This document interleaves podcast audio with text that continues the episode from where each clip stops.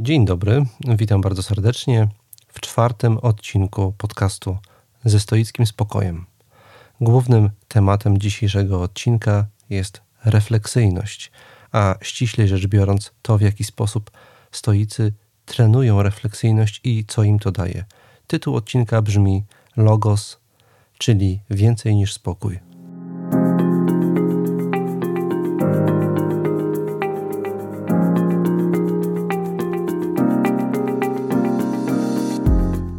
Ograniczony wpływ na to, gdzie i pośród jakich ludzi żyjemy. Nie my decydujemy, co nam się codziennie przydarza. Od nas jednak zależy, jak to przyjmujemy i jakimi stajemy się ludźmi. Nazywam się Tomasz Mazur, jestem współczesnym praktykującym stoikiem i zapraszam do wysłuchania mojego podcastu ze stoickim spokojem.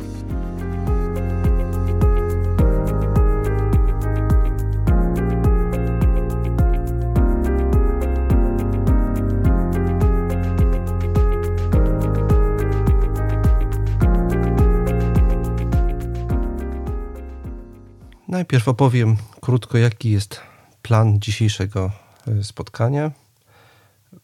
zacznę od wyjaśnienia znaczenia terminu logos. Potem opowiem o stoickich metodach trenowania siebie poprzez czytanie. Wyjaśnię, na czym to polega. Wreszcie, w kontekście tego treningu opowiem o czymś, co można w skrócie nazwać architektoniką duszy ludzkiej, mm, czyli mówiąc bardziej przystępnie, konstrukcją ja człowieka.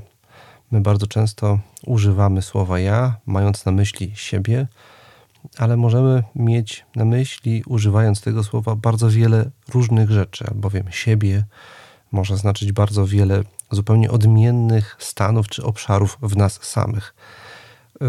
W związku z tym ja w kontekście treningu refleksyjności, stoickiego treningu refleksyjności, bo można powiedzieć, że tym głównie chciałem się dzisiaj zająć.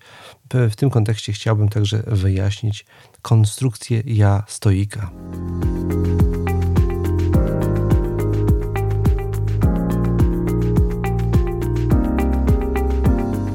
Zacznijmy więc bardzo krótko od pojęcia logosu. Chyba nie muszę nikomu przypominać, tym niemniej przypomnę, zacznę od tego, że to słowo to słowo logos wchodzi w skład bardzo wielu używanych przez nas na co dzień pojęć, y, takich jak logika, y, filologia, archeologia, hydrologia.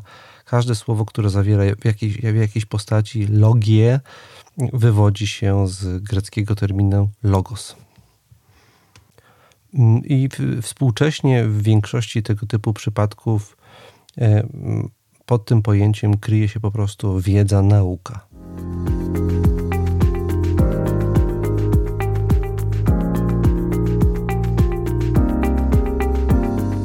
Jednak słowniki języka starogreckiego podają niekiedy nawet kilkadziesiąt różnych znaczeń tego greckiego terminu, co nastręcza poważnych kłopotów tłumaczom antycznych tekstów filozoficznych z języka greckiego na polski, albowiem w wielu miejscach, w zależności od kontekstu, mm, ten termin może znaczyć różne rzeczy, a czasami kilka naraz. I tak y, na przykład mm, znajdujemy to pojęcie, pojęcie logos w Księdze Rodzaju, w greckiej wersji Księgi Rodzaju, gdzie jest, zaczyna się ta księga od y, brzmiącego w języku polskim zdania następująco a na początku było słowo, a słowo było u Boga. E, I y, to y, słowo to jest właśnie greckie pojęcie logos.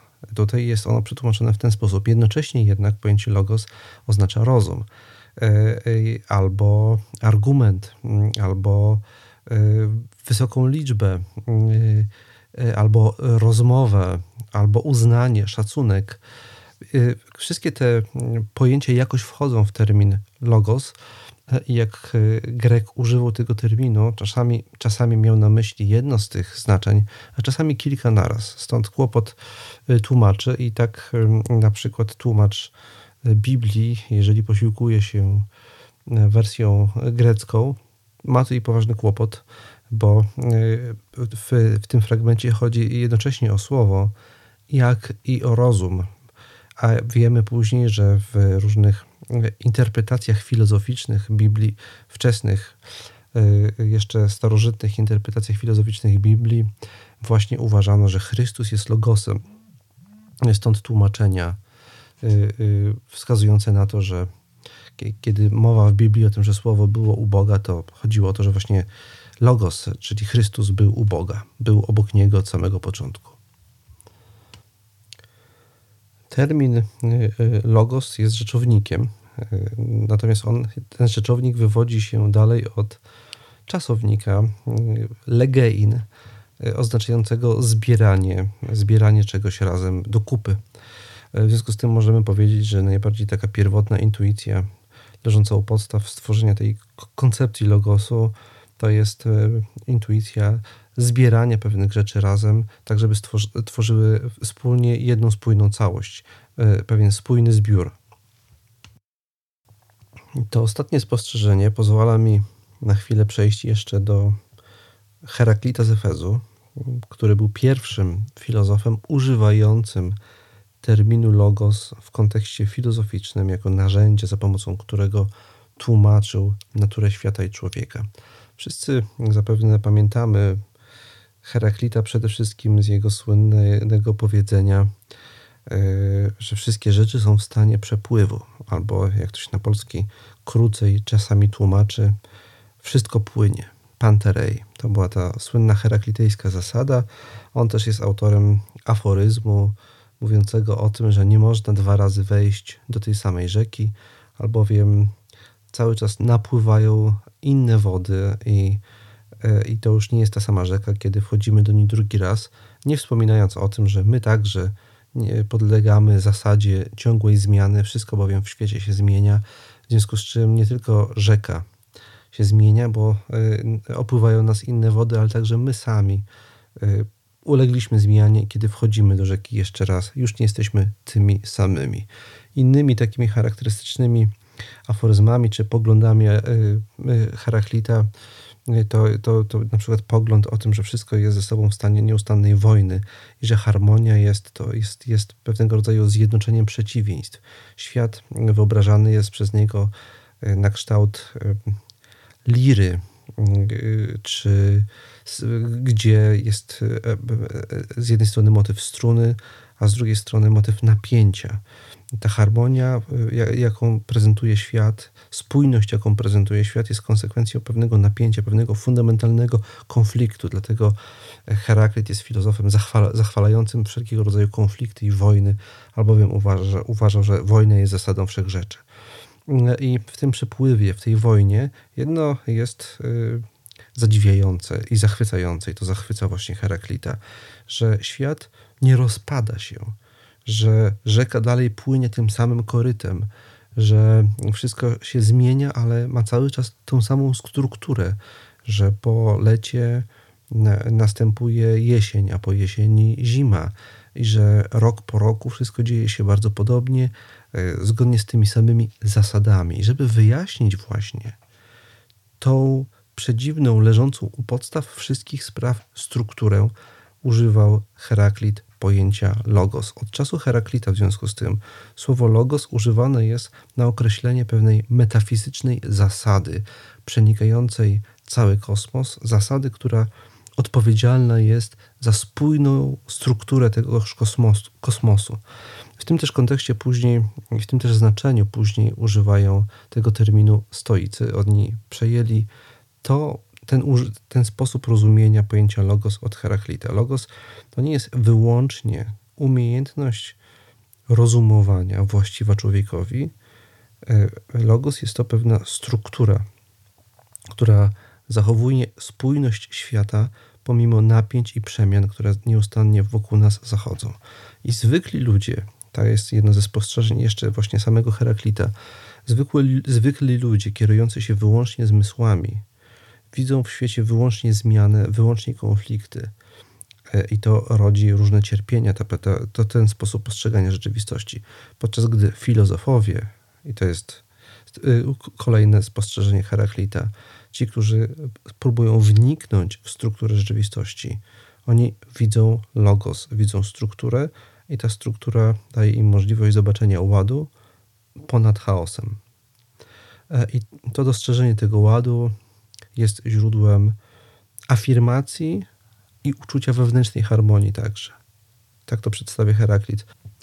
Podsumowując, można bardzo krótko powiedzieć, że rozumowanie, zarówno w interpretacji heraklitejskiej, jak i w wykładni stoickiej, rozumowanie jest umiejętnością dostrzeżenia struktury przenikającej całość i gwarantującej tej całości spójność.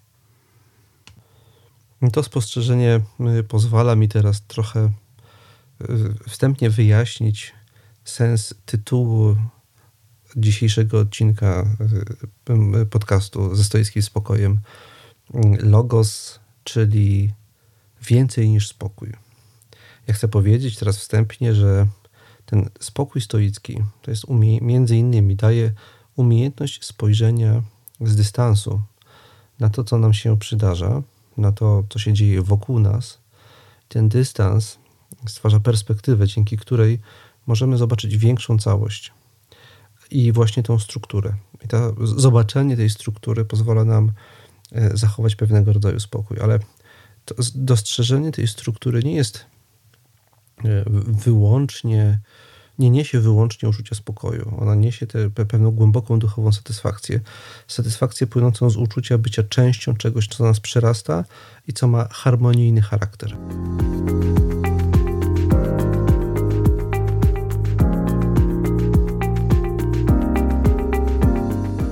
Żeby lepiej wyjaśnić specyfikę tego uczucia spokoju płynącego z dystansu i z, ze świadomości struktury i rozumienia sposobu działania tej struktury, chciałbym Ci teraz zaproponować pewną metaforę. Wyobraź sobie zawody sportowe, na które jedzie dwóch sportowców. Jeden jest nowicjuszem, dla którego dana dyscyplina i zawody tej rangi są czymś zupełnie nowym, który trochę się spala w ambicjach, y, zjada go stres, nie wie do końca czego się spodziewać i jak zareaguje jego organizm w, w sytuacji różnych wyzwań, które przed nim stoją.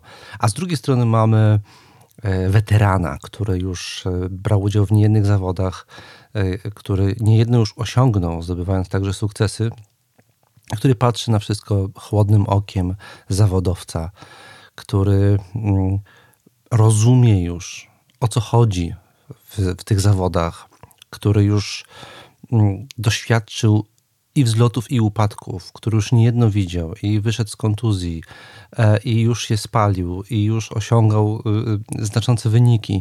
I to wszystko daje mu pewną perspektywę. Dzięki temu patrzy takim chłodnym, profesorskim, spokojnym okiem. I on nie jest pozbawiony uczuć. On chłonie to doświadczenie w zupełnie inny sposób. I chodzi właśnie o takie chłonięcie doświadczenia z dystansem, ale zdolnością dostrzegania różnych niuansów i cieszenia się z pewnego rodzaju znawstwem, doświadczeniem, rozumieniem struktury w sposób głęboki.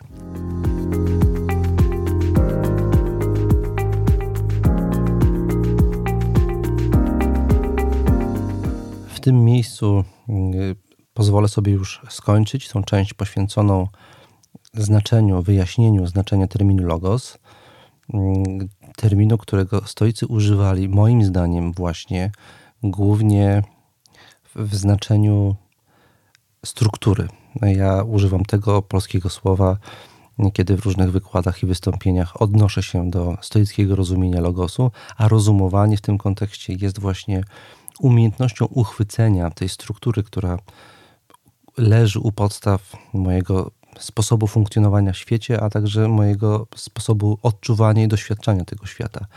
W efekcie czego e, rozumienie, rozumowanie daje nam nie tylko wgląd, pewną satysfakcję e, zrozumienia i uczestnictwa w tej strukturze, ale także umiejętność moderowania naszego doświadczenia, bo jeżeli rozumiemy, to mamy także wpływ na to doświadczenie, możemy je bardziej efektywnie moderować, rozumiejąc reguły, które rządzą sposobem, w jaki doświadczamy świata. Teraz przejdę już do części bardziej praktycznej, w której wyjaśnię specyfikę stoickiego treningu refleksyjności, jeden aspekt tego treningu, który polega na umiejętnej lekturze, umiejętnym doświadczeniu czytania. Poprzedzę to teraz krótkim wstępem na temat w ogóle specyfiki czytania i statusu czytania w naszych czasach. Coraz większa ilość humanistów, specjalistów od kultury, e, także pedagogów narzeka na to, że współczesny człowiek coraz mniej czyta. Konkurencją do czytania są e, media społecznościowe, filmy, newsy, gry online, nie tylko online, e, w efekcie czego w konfrontacji z tymi atrakcjami, którymi człowiek jest zarzucany nieustannie w rzeczywistości elektronicznej. Coraz ciężej ludziom dzisiaj w krajach cywilizowanych sięgnąć po, po lekturę. I nam się wydaje, że to jest bardzo naturalny proces. Bardzo często nam się wydaje, że to jest naturalny proces i że może strata nie jest tak duża. Wydaje nam się, że po prostu tracimy pewien sposób pozyskiwania informacji. Postrzegamy lekturę jako pewną formę zdobywania wiedzy o świecie, ale przecież istnieje więcej form. Można słuchać wykładów, można oglądać filmy dokumentalne, można słuchać nagrań, audycji radiowych. To są równorzędne, zupełnie równie wartościowe, zdawałoby się, metody pozyskiwania wiedzy. Tymczasem y, czytanie nie jest tylko czytaniem. Nie chodzi o to, czy czytamy różne rankingi czytelnictwa w różnych krajach, pokazujące ile statystyczny Polak, Fin, Norweg czy, czy Amerykanin czytają e, książek rocznie, one nie uwzględniają jednego e, kluczowego, moim zdaniem najważniejszego faktu. Nie chodzi o to, co czytamy. Nie chodzi o to, ile czytamy. Chodzi o to, jak czytamy. Chodzi o to, jak jesteśmy obecni w doświadczeniu czytania. Przypomina mi się w tym kontekście pewna anegdota, y, y, którą chciałem się podzielić właśnie tytułem tego wstępu do omówienia treningu refleksyjności poprzez czytanie. Wiele lat temu udzielałem wywiadu, a właściwie krótkiej odpowiedzi na ankietę ogłoszoną przez jeden z warszawskich polskich miesięczników. Nie pamiętam już w tej chwili, który. E, I e, ta ankieta właściwie była, stanowiła formę odpowiedzi na jedno pytanie, które zadawano wielu różnym osobom. To pytanie brzmiało: dlaczego pan, pani czyta? Ja usłyszawszy to pytanie, nie, wie, nie wiedząc, że takie właśnie będzie, taki będzie temat spotkania, udzieliłem dość spontanicznej odpowiedzi, takiej y, zupełnie bezrefleksyjnej. Dopiero później zacząłem się nad tym zastanawiać. Ta odpowiedź zaskoczyła zarówno dziennikarza, który przeprowadzał ze mną tą, tą, tą, tą krótką rozmowę, jak i mnie samemu, samego. Ja później zacząłem się zastanawiać nad tym, co powiedziałem mm, i nad tym, że powiedziałem to tak bardzo spontanicznie. To był dla mnie po prostu odruch zupełnie bezrefleksyjny, co oczywiście jest u stoika dość nietypowe, żeby właśnie robić takie rzeczy zupełnie bezrefleksyjnie. Na pytanie brzmiące, dlaczego pan, pani czyta, ja odpowiedziałem, dlatego, że kiedy nie czytam, czuję, że przestaje być. Ja później zacząłem zastanawiać nad tym, dlaczego tak powiedziałem, dlaczego to było dla mnie takie oczywiste, właśnie tak brzmiąca odpowiedź. E, I no, oczywiście ten odruch wziął się z tego, że ja to w ten sposób odczuwam.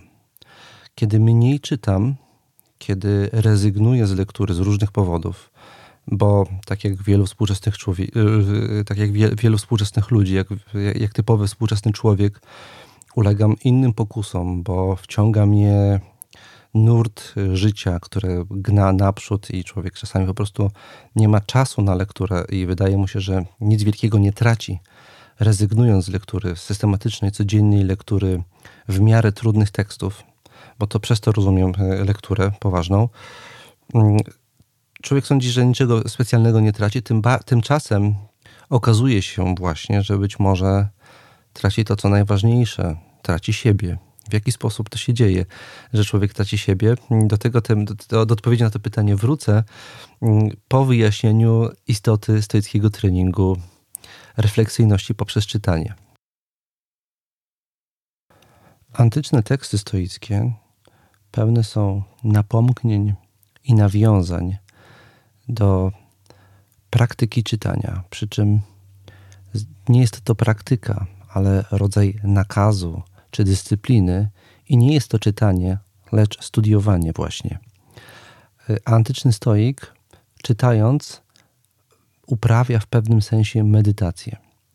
Jest to bardzo intymne, bardzo skupione, wymagające odcięcia od wszystkich bodźców ze świata zewnętrznego, doświadczenie lektury, w którym to doświadczeniu nasz umysł koncentruje się całkowicie na śledzeniu wywodu, możliwie długo, na ile czas na to pozwala, ile trwa dane, ćwiczenie, w taki sposób, że wchodzi z nim w dialog. Jest to spotkanie umysłu z tekstem, gdzie człowiek umiejętnie odcina się od wszystkich, tak jak powiedziałem, bodźców zewnętrznych i całkowicie skupia na śledzenie wywodu, na śledzenie argumentu, które, jak wcześniej wyjaśniałem, znaczenie terminu logos jest ściśle rzecz biorąc kontemplowaniem logosu. Współczesny człowiek, współczesny czytelnik, chcąc odtworzyć to doświadczenie, powinien kierując się wskazaniami antycznych stoików, mieć wybranych kilka najważniejszych, stosunkowo trudnych tekstów. Nieustannie do nich wracać i z nimi obcować. Y, czytając, powinien starać się skupić wyłącznie na tekście, nie pozwalać, aby żadne bodźce, a w szczególności asocjacje wewnętrzne, skojarzenia, nie rozpraszały jego uwagi. Pierwsze ćwiczenie, które można sobie w sposób bardzo prosty przeprowadzić, jest polegałoby na tym, żeby wybrać jeden z tekstów filozoficznych albo popularno-naukowych, takich tekstów, które poruszają jakąś, jak, jakąś ważną dla mnie kwestię. Może to być na początek dla praktykującego stoika jakiś tekst stoicki, na przykład listy moralne do Lucyliusza Marka y, Seneki. I to pierwsze ćwiczenie polegałoby na tym, żeby spróbować siebie, ile ja jestem w stanie wytrzymać czytania bez y, jakiegokolwiek rozkojarzania się, bez doświadczenia, w którym moja myśl odpływa, gdzie ja jestem cały czas skupiony na śledzeniu tekstu, ale jednocześnie śledząc tekst, i to jest kolejny poziom trudności, mogę się zastanawiać, jak ten tekst we mnie rezonuje, czy ja się zgadzam z tym, co czytam, czy ja rozumiem argumentację, czy ja potrafię podczas lektury tekstu uchwycić główną tezę tego tekstu, i oddzielić ją, od, odróżnić tezy od argumentów? Czy jestem w stanie wychwycić z tekstu przesłanki wspierające tę tezę, argumenty, jakich używa e, autor tekstu na rzecz poparcia swojej tezy? Czy ja się zgadzam z tymi argumentami? Czy potrafię ocenić ich moc? Czy potrafię przytoczyć kontrargumenty, a więc argumenty obalające tezy albo argumenty wspierające tezę przeciwną w stosunku do tezy autora tekstu. Tego rodzaju rozważania prowadzone są przez stoika w jego głowie, kiedy czyta tekst. I to nie jest wyłącznie lektura, to, nie jest doświadczenie mające na celu przyswojenie sobie jakichś zawiłych tez czy teorii. Jest to trening, za pomocą którego rozwijam swoją wewnętrzną przestrzeń refleksji, y, w której mieści się później cała aktywność duchowa stoika. Czytanie jest poszerzaniem siebie.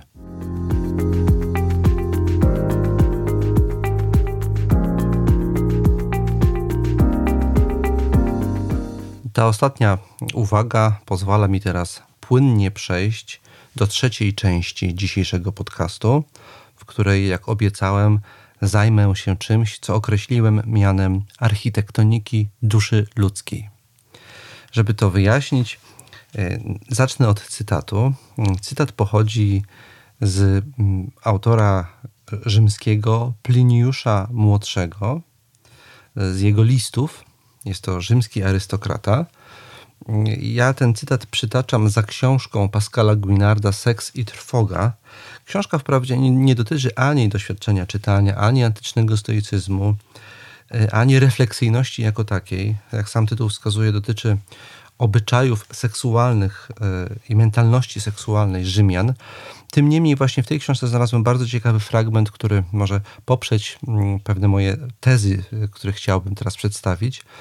Mm, mianowicie ona, ten cytat nawiązuje do pewnego obyczaju, które, mm, który był dość popularny wśród antycznych Rzymian. Ten e, obyczaj dotyczy architektury willi wiejskich arystokratów rzymskich. Otóż okazuje się, że te wille były zbudowane w ten sposób, że w, w samym środku tych y, willi, w miejscu odpowiednio wyizolowanym dźwiękowo od reszty domu, znajdowała się czytelnia, w której arystokrata, y, y, w którym Rzymianin oddawał się samotnej lekturze tekstów.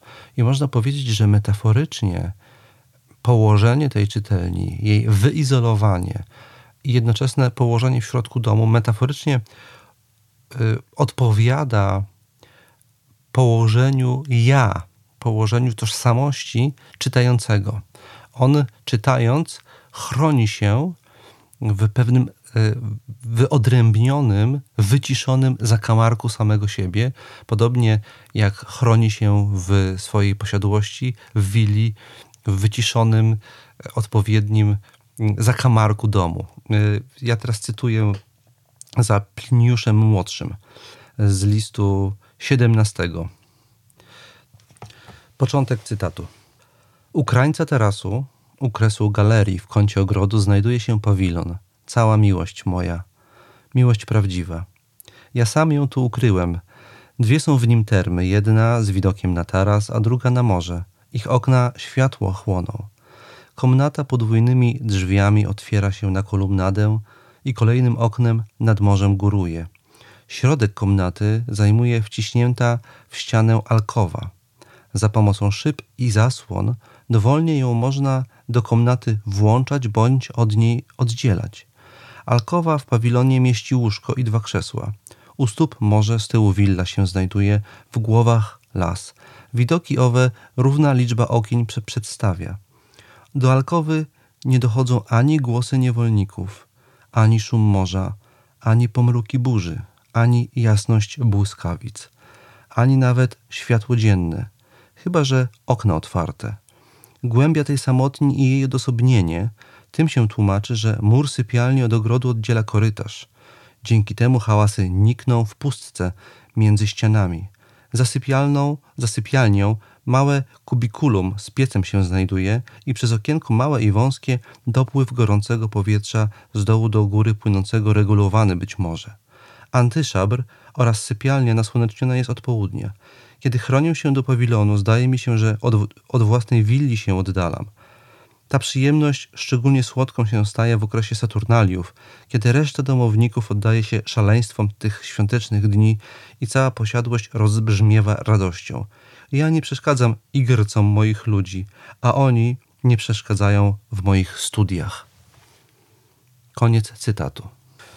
Więc podsumowując, ja nie przeszkadzam igrcom moich ludzi, a oni zaś nie przeszkadzają w moich studiach. Jest to fundamentalne doświadczenie konstytuujące akt refleksji. Refleksja wymaga oddzielenia, wymaga stanięcia z boku, wymaga wyodrębnięcia przestrzeni, dzięki której ja lokując się w tej przestrzeni, mam możliwość, zyskuję kompetencje stanięcia niejako z boku siebie i całego mojego życia, gdzie mogę oglądać zarówno moje cele, zarówno moją aktualną sytuację, jak i przyglądać się bezpośrednim bodźcom, w których się znalazłem i, i nauczyć się nie reagować na nie w sposób re, bezrefleksyjny, automatyczny, tylko poddać jej ocenie i dopiero na podstawie tej oceny podjąć, zastosować adekwatne działanie. Istota refleksyjności polega na tej właśnie kompetencji stanięcia z boku siebie. Można więc w związku z tym paradoksalnie powiedzieć, że stoik, że istota głęboko refleksyjna nie jest sobą, lecz w jakiś zasadniczy sposób lokuje się poza sobą, mianowicie z boku siebie, że jej tożsamość streszcza się w umiejętności bycia obok, bycia obok siebie i spoglądania z boku siebie na to, co mi się w życiu przydarza. Tak jak ja bym do pewnego stopnia był yy, pasażerem, yy, obserwatorem ale takim obserwatorem, który ma wpływ na kierunek działań, który jest nie tyle pasażerem całkowicie neutralnym i obojętnym na to, gdzie, e, gdzie zmierza cała, cały, cały pojazd, ale pasażerem, który jest e, kierowcą, e, to znaczy tym, który ma mapę i kieruje poczynia, poczynaniami kierowcy, który jest, przepraszam, nie kierowcą, tylko nawigatorem To, to jest ta metafora, która mi umknęła na moment. E, jestem nie tyle pasażerem, co nawigatorem. E, polski psycholog Kazimierz Dąbrowski wiele lat temu, badając rozwój człowieka, wymienił cały szereg kluczowych kompetencji duchowych, które na pewnym etapie tego rozwoju się pojawiają w psychice ludzkiej, i jednym z tych z, tak, z takich kompetencji, która pojawia się u samego szczytu tego rozwoju, określił mianem podmiot, przedmiot w sobie. Powiedział on, że ta kompetencja polega właśnie na tym, że ja jako człowiek osiągam możliwość spojrzenia na siebie samego nie e, jako przedmiot. To znaczy uczynienia siebie przeglądem własnego oglądu. Tak jakbym miał w sobie dwa ja i jedno ja, to refleksyjne, przygląda się całej reszcie mojego ja. Nawiązując do tego podziału, można powiedzieć, że właśnie tożsamość stoika lokuje się przede wszystkim w obszarze tego drugiego, tego ukrytego, tego pogłębionego, refleksyjnego ja, schowane mm, na, z boku, e, w zaciszni, do której w każdej chwili e, pod wpływem różnych okoliczności czy potrzeb życiowych stoik może się wycofać, tam znaleźć schronienie, ale nie tylko schronienie, tam znaleźć punkt odniesienia, albo jeszcze precyzyjniej to ujmując, punkt dowodzenia. E, jak wiemy, podczas bitew, podczas operacji armii e, złożonych, centrum dowodzenia musi się znajdować w bezpiecznym miejscu, tak aby z tego centrum jednocześnie obserwować to, co się dzieje i w sposób skuteczny, efektywny kierować poczyna bieżącymi poczynaniami armii. Podobnie jest z tym ja stoika, z tą architekturą duszy u stoika. E, człowiek stoicki jest istotą, która dzięki różnym technikom, jedną z takich technik, tak jak to dzisiaj opisuje, jest technika czytania. Dzięki tego rodzaju technikom wykształca wewnątrz siebie samego pewnego rodzaju obszar, przestrzeń, przestrzeń refleksyjności, tak jak powiedziałem, i on się z tym obszarem identyfikuje. On jest tym obszarem, y, jest kompetencją patrzenia z boku. Kiedy ja jako stoik myślę o sobie, kim jestem, kim jest moje ja, co to znaczy, kiedy używam tego słowa, co mam na myśli, kiedy mówię o sobie w najściślejszym tego słowa znaczeniu.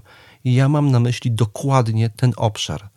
Im bardziej ten obszar skutecznie działa, im łatwiejszy jest dla, dla mnie dla mojej świadomości, bieżącej świadomości, dostęp do tego obszaru.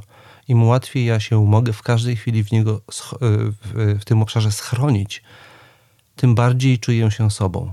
I taka była też istota mojej odpowiedzi e, spontanicznej, e, pierwszej odpowiedzi na pytanie, e, w odpowiedzi na ankietę, dlaczego czytam. Czytam dlatego, że dzięki codziennej lekturze, dzięki codziennemu doświadczeniu czytania, dzięki codziennemu mierzeniu się z trudnym tekstem, poszerzam samego siebie, y, staję się y, bardziej przestronny. Bliżej jest mi na co dzień do tego refleksyjnego miejsca schronienia, z którego mogę obserwować, co mi się przydarza i mogę na to reagować. Jednocześnie jest to miejsce, z którego mogę obserwować z dystansem, tak jak powiedziałem na samym początku, mm, większą całość, większy obraz, strukturę, czyli to, co określiłem mianem logosu. Ja, e, będąc w tym schronieniu, nie jestem zakładnikiem tego, co w języku e, polskim obecnie kolokwialnie określa się mianem bieżączki, takiego zanurzenia w tym ciągu bieżących spraw które do tego stopnia zaprzątają umysł większości ludzi, że nie potrafią spojrzeć na siebie z większego dystansu i z tego dystansu zobaczyć, co jest dla nich ważne, w jakim miejscu się znajdują i czy faktycznie chcą w nim przebywać. Stoik, który chowa się w, tej, w tym wewnętrznym schronieniu, które nazywa ja e, właściwym, on ma dostęp do takiego poszerzonego oglądu swojego życia, swojego doświadczenia. Dzięki temu jest bardziej swobodny w podejmowaniu codziennych, konkretnych decyzji, ma większy dystans i mniej daje się wciągać w różne emocjonalne pułapki. Pamiętam, że kiedyś y, jako zadanie dla jednego ze stoików początkujących, z którymi współpracowałem. Zaleciłem im codzienne, jemu codzienne czytanie bardzo trudnego tekstu filozoficznego. Y, był to Edmund Husserl. Y, medytacje kartezjańskie. Bardzo trudny, fenomenologiczny tekst mm, z przełomu, z, z początku XX wieku.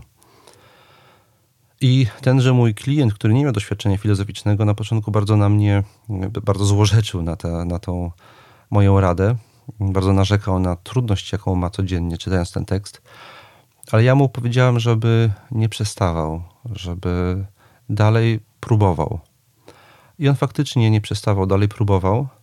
I po dwóch tygodniach wrócił do mnie z zupełnie inną relacją na temat swojego stanu. Już nie czuł irytacji tym, że nie rozumie tekstu. Cały czas e, w dużym stopniu go nie rozumiał, e, ale powiedział, że ta codzienna, żmudna, trudna lektura tekstu sprawiła, że stał, jego umysł stał się bardziej zdyscyplinowany, łatwiej oddzielał to, co istotne od tego, co nieistotne, z większym dystansem podchodził do wielu codziennych wydarzeń. I powiedział, że to jest bardzo cenne doświadczenie. To jest właśnie jedno z pierwszych E, jeden z pierwszych stanów, jakiego się doświadcza pod wpływem systematycznej lektury trudnego tekstu. Ja zalecam taką lekturę codziennie i przypominam e, jeszcze raz. Nie chodzi o samo czytanie, chodzi o sposób, w jaki czytamy. Chodzi o to, żeby odciąć się od wrażeń, e, od wszystkich zakłócaczy i żeby umieć się skupić na śledzeniu toku wywodu. Zróbcie sobie, zrób sobie najpierw takie ćwiczenie, na przykład, e, żeby czytać ten trudny tekst i patrzeć, jak długo jestem w stanie czytać bez żadnego rozkojarzenia, bez żadnego doświadczenia odpłynięcia uwagi. Czy to jest pół strony, czy to jest strona, półtorej. To jest e, półtorej, to jest miernik mm, Twojej aktualnej kondycji, to jest miernik Twojego wewnętrznego Mm, y, stoickiego, refleksyjnego ja, tego obszaru refleksji w tobie. Im trudniej jest ci skupić się na tekście, tym, y, tym bardziej jesteś zanurzony w tym, co bieżące mm, i tym ciężej jest ci spojrzeć na sprawy z dystansem. Można to potraktować w związku z tym nie jako trening, ale także y, jako narzędzie oceny, jako miernik. Więc ja w tym momencie skończę. Jeszcze jedną książkę chciałem zarekomendować Mm, y, teraz sobie przypomniałem, kończąc, niedawno ukazały się, okazało się kilka książek. Jedna z nich w szczególności tutaj wymaga rekomendacji, ale powiem o dwóch. Jedna z nich to książka Nikolasa Kara pod tytułem Płytki umysł. Pokazuje, to się z nami dzieje, kiedy jesteśmy cały czas rozproszeni, kiedy mm, cały czas jesteśmy zanurzeni w tym elektronicznym ciągu doznań i wrażeń i informacji, to prowadzi po prostu do spadku pewnych kompetencji naszego, naszych naturalnych kompetencji umysłowych. Może nie naturalnych, tylko wytrenowanych wcześniej w, w, w okresie edukacji. Bardzo ciekawa książka. Mm, e, a natomiast druga książka, która jest odpowiedzią na tą pierwszą do pewnego stopnia, co zrobić, jak już zdiagnozujemy u siebie ten stan takiego permanentnego rozproszenia, E, autorem drugiej książki jest Cole Newport e, i książka nosi tytuł e, Deep Work. Wydaje mi się, że jeszcze nie została przetłumaczona na język polski. Ja czytałem jakieś dwa lata temu, zdaje mi się. Mm, autor tej książki pokazuje, że to fundamentalne doświadczenie skupienia, on używa angielskiego określenia focus, to doświadczenie jest dzisiaj bardzo unikalne. Tymczasem ludzie, którzy pielęgnują to doświadczenie, którzy umieją wytrwać w skupieniu na jednym zadaniu, wbrew modzie na wielozadaniowość, na jednym zadaniu, odcinając się od bodźców, wyłączają wszyscy, wyłączając wszystkie komunikatory, yy, wszystkie yy, dźwiękowe i wizualne zakłócacze, w szczególności elektroniczne. Ci ludzie w sposób zasadniczy podnoszą swoją efektywność, poziom rozumienia problemu e, i umiejętność znajdywania rozwiązań na bardzo złożone problemy. I oni bardzo często osiągają wielkie sukcesy w zaskakujących obszarach. Nie wspominając o tym, że samo doświadczenie tego deep focus, bo tak to on określa w tej książce, głębokiego skupienia na jednej rzeczy, na jednym problemie, wniknięcie w, tego, w ten problem jest źródłem olbrzymiej duchowej satysfakcji. Jeżeli kiedykolwiek miałeś doświadczenie siedzenia nad e, trudnym zadaniem matematycznym i, i nagle staje ci przed oczami formuła albo rozwiązanie tego zadania, nagle czujesz, że, że, że, że uchwyciłeś, uchwyciłaś to, o co chodzi w tym zadaniu, że ma, masz to, rozumiesz. To jest właśnie ta namiastka tego doświadczenia pracy, wytrwałej pracy w głębokim skupieniu. To jest y, jednocześnie efektywne, a z drugiej strony kreuje w nas ten obszar refleksyjności, który y, jest nie tyle narzędziem, co po prostu źródłem tożsamości, podstawą naszej tożsamości, przynajmniej tożsamości w rozumieniu stoickim. A więc podsumowując, to jest ostatnie zdanie, które chciałem dzisiaj powiedzieć. Y, za pomocą czytania i innych technik stoickich, ja nie tylko zyskuję pewne kompetencje, ja stwarzam siebie. Ja y, za dzisiejszy podcast, za udział w dzisiejszym podcaście bardzo serdecznie dziękuję.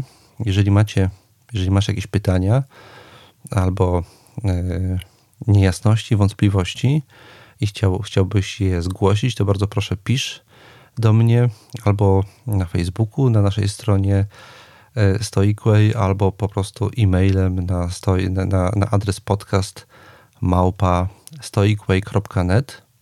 Także oczywiście zapraszam Cię do zajrzenia na naszą stronę Stoicway. Tam jest stoicway.net. Tam jest bardzo wiele, bardzo dużo różnych e, dodatkowych informacji, narzędzi, materiałów, z których początkujący, współczesny stoik, praktykujący współczesny stoik może skorzystać, do czego bardzo serdecznie zapraszam. E, ja ze swojej strony bardzo dziękuję Ci dzisiaj za uwagę. Mm, do usłyszenia do następnego odcinka. Natura obdarzyła człowieka niezwykłymi możliwościami kształtowania własnej postawy i charakteru. Zamiast cierpieć i złorzeczyć, możemy nauczyć się przyjmować wszystko ze stoickim spokojem i czerpać radość z każdej chwili.